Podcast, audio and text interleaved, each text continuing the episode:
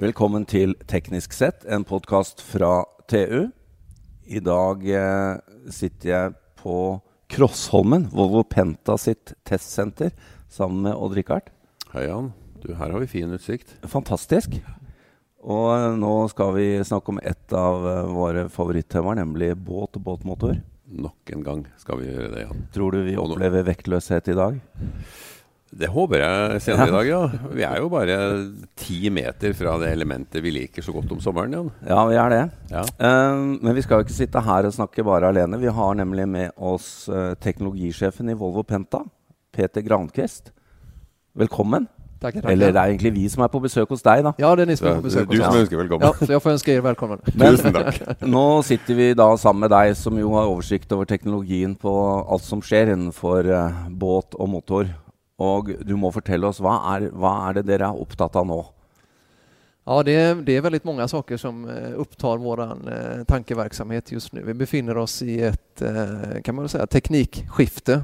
Men vi ser att det kommer de här teknikskiftena vid olika tillfällen i våra olika segment. Så vi behöver jobba både med, om man säger dagens teknologi och utveckla den Ja. och väldigt mycket även med framtidens tekniker på elektrifiering, uppkopplade lösningar och eh, självkörande, eh, automatiserade lösningar.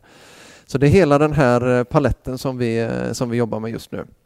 Men når jeg tenker på Volvo Penta, så tenker jeg jo på innbords store bensin- og dieselmotorer med planende båter, drev og sånne ting. Og da tenker jeg mye energiforbruk. Så det er jo ikke lett å gå rett fra diesel og bensin over till elektrisk heller på den typen båter. Ja, det är helt rätt uppfattat eh, och eh, det är lite det jag är inne på. Vi ser i olika segment att det kommer att gå vid, eh, i olika fart. Det kommer att vara så att det kommer att fungera ganska snart eller redan nu i vissa applikationer där vi ser att det faktiskt eh, är bättre än dagens eh, lösningar med elektrifierad lösning och så finns det andra segment med snabbgående båtar, planande båtar som ska köra längre eh, sträckor. Där fungerar det inte än. Det är inte rimligt med tanke på dagens batterikapacitet versus vikt och så vidare. Så det är en stor palett. Det går inte att säga att allt händer på en gång samtidigt. Nej, och Spørsmålet är om, om fremtiden kan ge oss batterier som är så energieffektiva som flytende drivstoff. Ja, men det, det är en väldigt bra spaning och det vi ser är att det händer väldigt mycket på batterisidan. Samtidigt så, eh, så är det ju så att det är en kostnadsfråga. Där händer också ganska mycket, men vi ser också att nya typer av eh, vad man säga, användarmönster Ja. eh, kan göra att det kan gå fortare. Om vi Ja. vänjer oss vid att det inte behöver gå lika fort till exempel så har det en väldigt stor påverkan på hur snabbt vi kan börja använda elektrifierade lösningar. Vi ser också i de områdena där man väldigt ofta kommer tillbaka till en plats där man kan ladda, till exempel i båtbusstrafik om man säger, vad du kör linjetrafik. Där kan det fungera väldigt bra att vara en lösning som är både mer tekniskt eh, och eh, kommersiellt lönsam redan idag. Mm. vi Odd Rikard, venner oss til at vi kun skal ha cocktailfart, så kan vi kjøre elektrisk. Men hvis vi skal oppheve tyngdekraften en gang iblant, så må vi nok ha diesel eller bensin. Ja, men Det kan ikke være med så mange sekunder av gangen. Jeg, Jan. Men uh, Grankvist, vi må også si det. For det er en ting som overrasket Rikard og meg da vi kom hit. Det var at Volvo Penta er jo også veldig involvert i annen type virksomhet enn bare båt.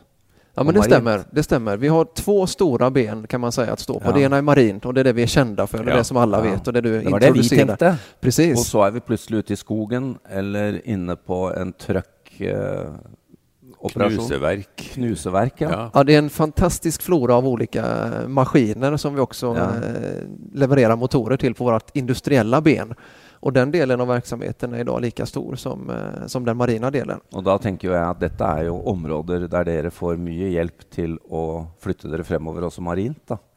Ja, men så är det. Vi har kjørt forbi et knuseverk i dag på en elektrisk buss, Odd Rikard, Det gjorde vi. som har da vært nullutslipp utslipp en stund. Ja. Som er operert av Volvo Pentas maskineri. Ja, det ska man säga, det är Volvo-gruppen och eh, kanske främst då Volvo Construction Equipment som har haft Ja. lead på den här eh, Electric Site som den heter. Ett otroligt intressant projekt där man eh, då har elektrifierat en, en, vad ska man säga, en quarrel, heter det på... Steinbrudd. Ett stenbrott, precis, Ja. precis. Och eh, gjort det med automatiserade lösningar, elektrifierade lösningar uppkopplade lösningar och hittat jättestora fördelar. Och vi ser väldigt stort, eh, stor nytta av samarbetet inom Volvo-gruppen. Vi kan ju dra nytta av väldigt många års mm. research and development och även eh, att ta lösningar till marknaden på både elektrifierade, uppkopplade och eh, så dere sitter inte här ute på Krossholmen helt alene, dere har faktiskt ganska många andra att spara med? Ja, men vi har en fantastisk plattform och jag menar bara om man tittar på Volvogruppen då så har vi jobbat i tio år med elektrifierade lösningar och tagit dem till marknaden. Det är 6 000 bussar ute och kör som är elektrifierade eller hybridiserade och vi har nästan en miljon uppkopplade fordon eh, runt om i världen. Så det är en fantastisk plattform tekniskt för oss mm. att, att använda. Mm. Men hvis vi går tilbake til de dere er mest kjent for, da. Det er jo store dieselmotorer og, og drev øh, og, og IPS-systemer ja. i båt. Hva, hva, er det som skjer der fremover? Hvordan skal vi gjøre det mer miljövänlig och bättre på flera måter? Ja, men det, är, det är en väldigt bra fråga och där har vi väldigt mycket kvar att göra för vi ser att dieselmotorer och i den konstellationen eh, som den finns idag kommer att finnas kvar väldigt länge och då har vi ett stort ansvar i att se till att de blir bättre och bättre. Både såklart ur ett sustainability-perspektiv men också med tanke på förbrukning och eh, prestanda. Så att vi ser att vi behöver fortsätta jobba under en lång tid med att fortsätta utveckla de systemen.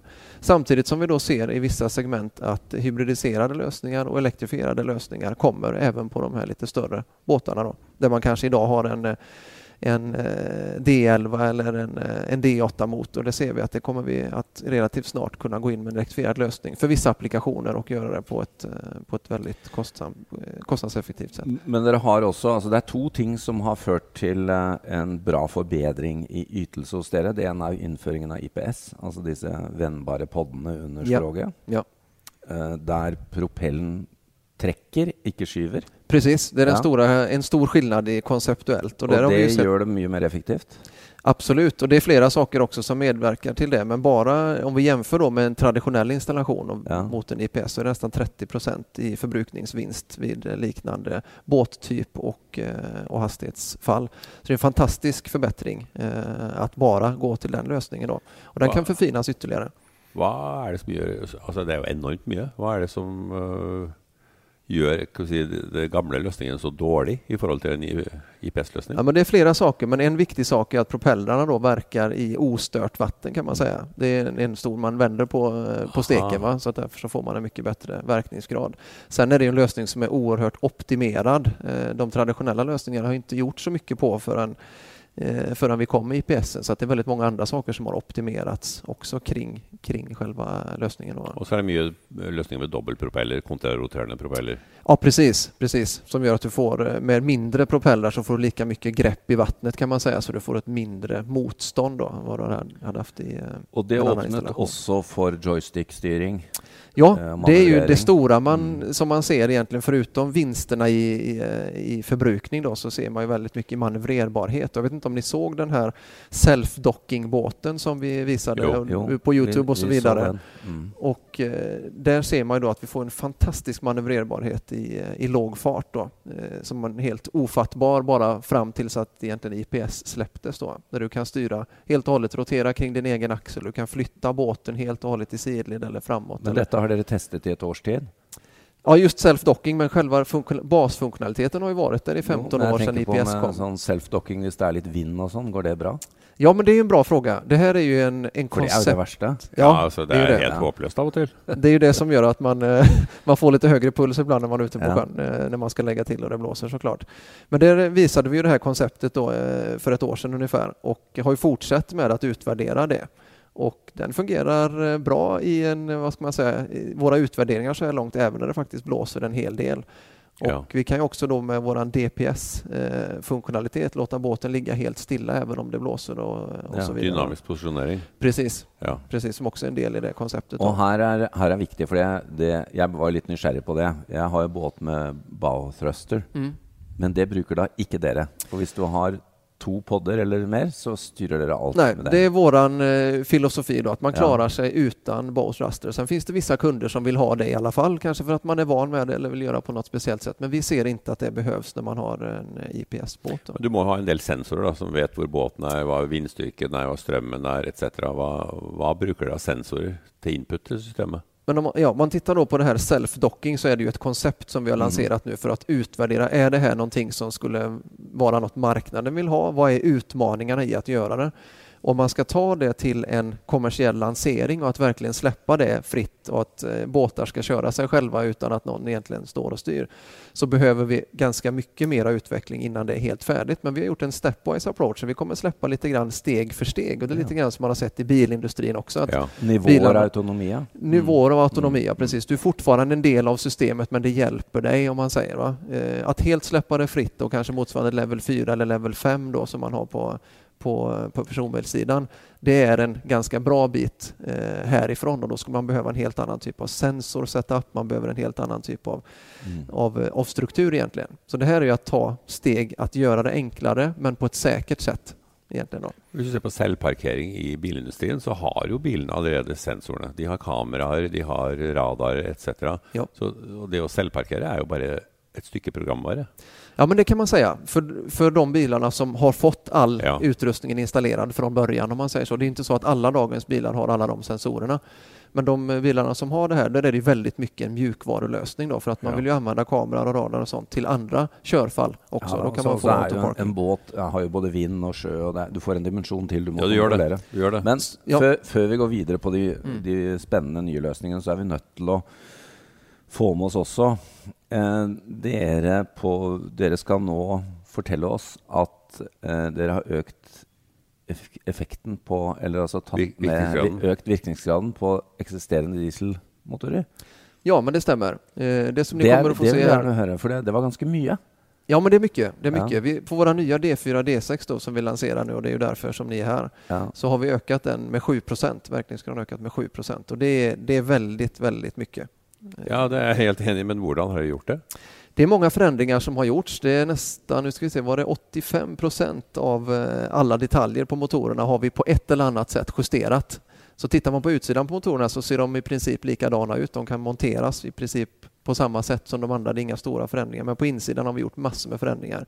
Och en väldigt stor sak som vi jobbat med är förbränningskonceptet, att få en mer effektiv förbränning. Det är ett helt nytt bränslesystem, bränsleinsprutningssystem. Högre tryck? Högre tryck, mycket bättre noggrannhet och eh, det gör att vi kan få mycket bättre förbrukning. Men det är en massa små förändringar. Det är ju så när man jobbar med bränsleförbrukning att det är inte så att man det finns inte, det, det, motorerna har utvecklats under så himla många år så att det är liksom fine-tunat ja. ganska mycket redan. Så att gå in med en sak och tro att man kan få en jättestor förändring, det är väldigt små saker tillsammans som gör en, en gemensam förbättring. Från det nivået ni lanserar idag, hur mycket är det tror du i dieselmotorn?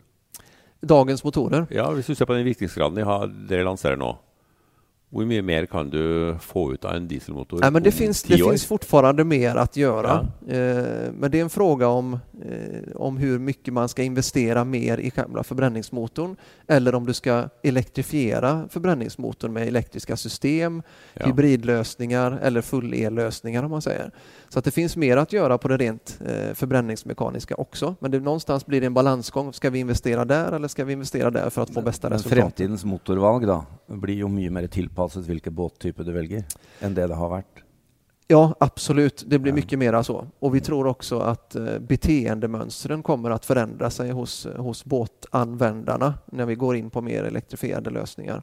Det ser man ju lite grann på hur folk använder sina elektriska bilar som ja, ja. börjar att komma mm. nu. Att man man ändrar sitt beteendemönster lite ja. grann. Så det är inte bara en fråga om teknik utan en fråga om, eh, om användare också. Men nu sitter ju vi och Richard och ser på en duoprop uh, på ett drev här. Uh, och så tänker jag att dere må ju göra något med dreven också. Ja, absolut. Vad sker? För det, alltså, detta IPS det är ju podder under båten. Ja. Men det är fortsatt stort volym av drev. Så är det. Och det finns segment där det inte eh, egentligen lönar sig att gå in med IPS då, som lite mindre båtar så är ja. det fortfarande våra DPI eller DPH, alltså våra vanliga Sterndrive-drev som är den bästa mm. lösningen. Vad sker där? Det sker ganska mycket. Det kommer ni också få se senare idag att vi har uppdaterat dem väldigt mycket för att kunna ge bättre manövrerbarhet, få bättre förbrukning där också. Och eh, de har fine-tunats även ur ett serviceperspektiv, att du ska behöva serva dem mindre. Vi försöker att förbättra hela tiden i våra nya generationer så att du ska få ett lägre eh, cost of ownership och du ska få mindre tid där du behöver lägga på, på maintenance och så. Men virkningsgraden på ett drev då, kontra en IPS-lösning? Det är en bra fråga. Jag har inte ja. exakta svaret på det, men det kan du få senare under dagen. Vi har våra experter här eh, på, det på Crossholmen. Det ökar när du kör i revers.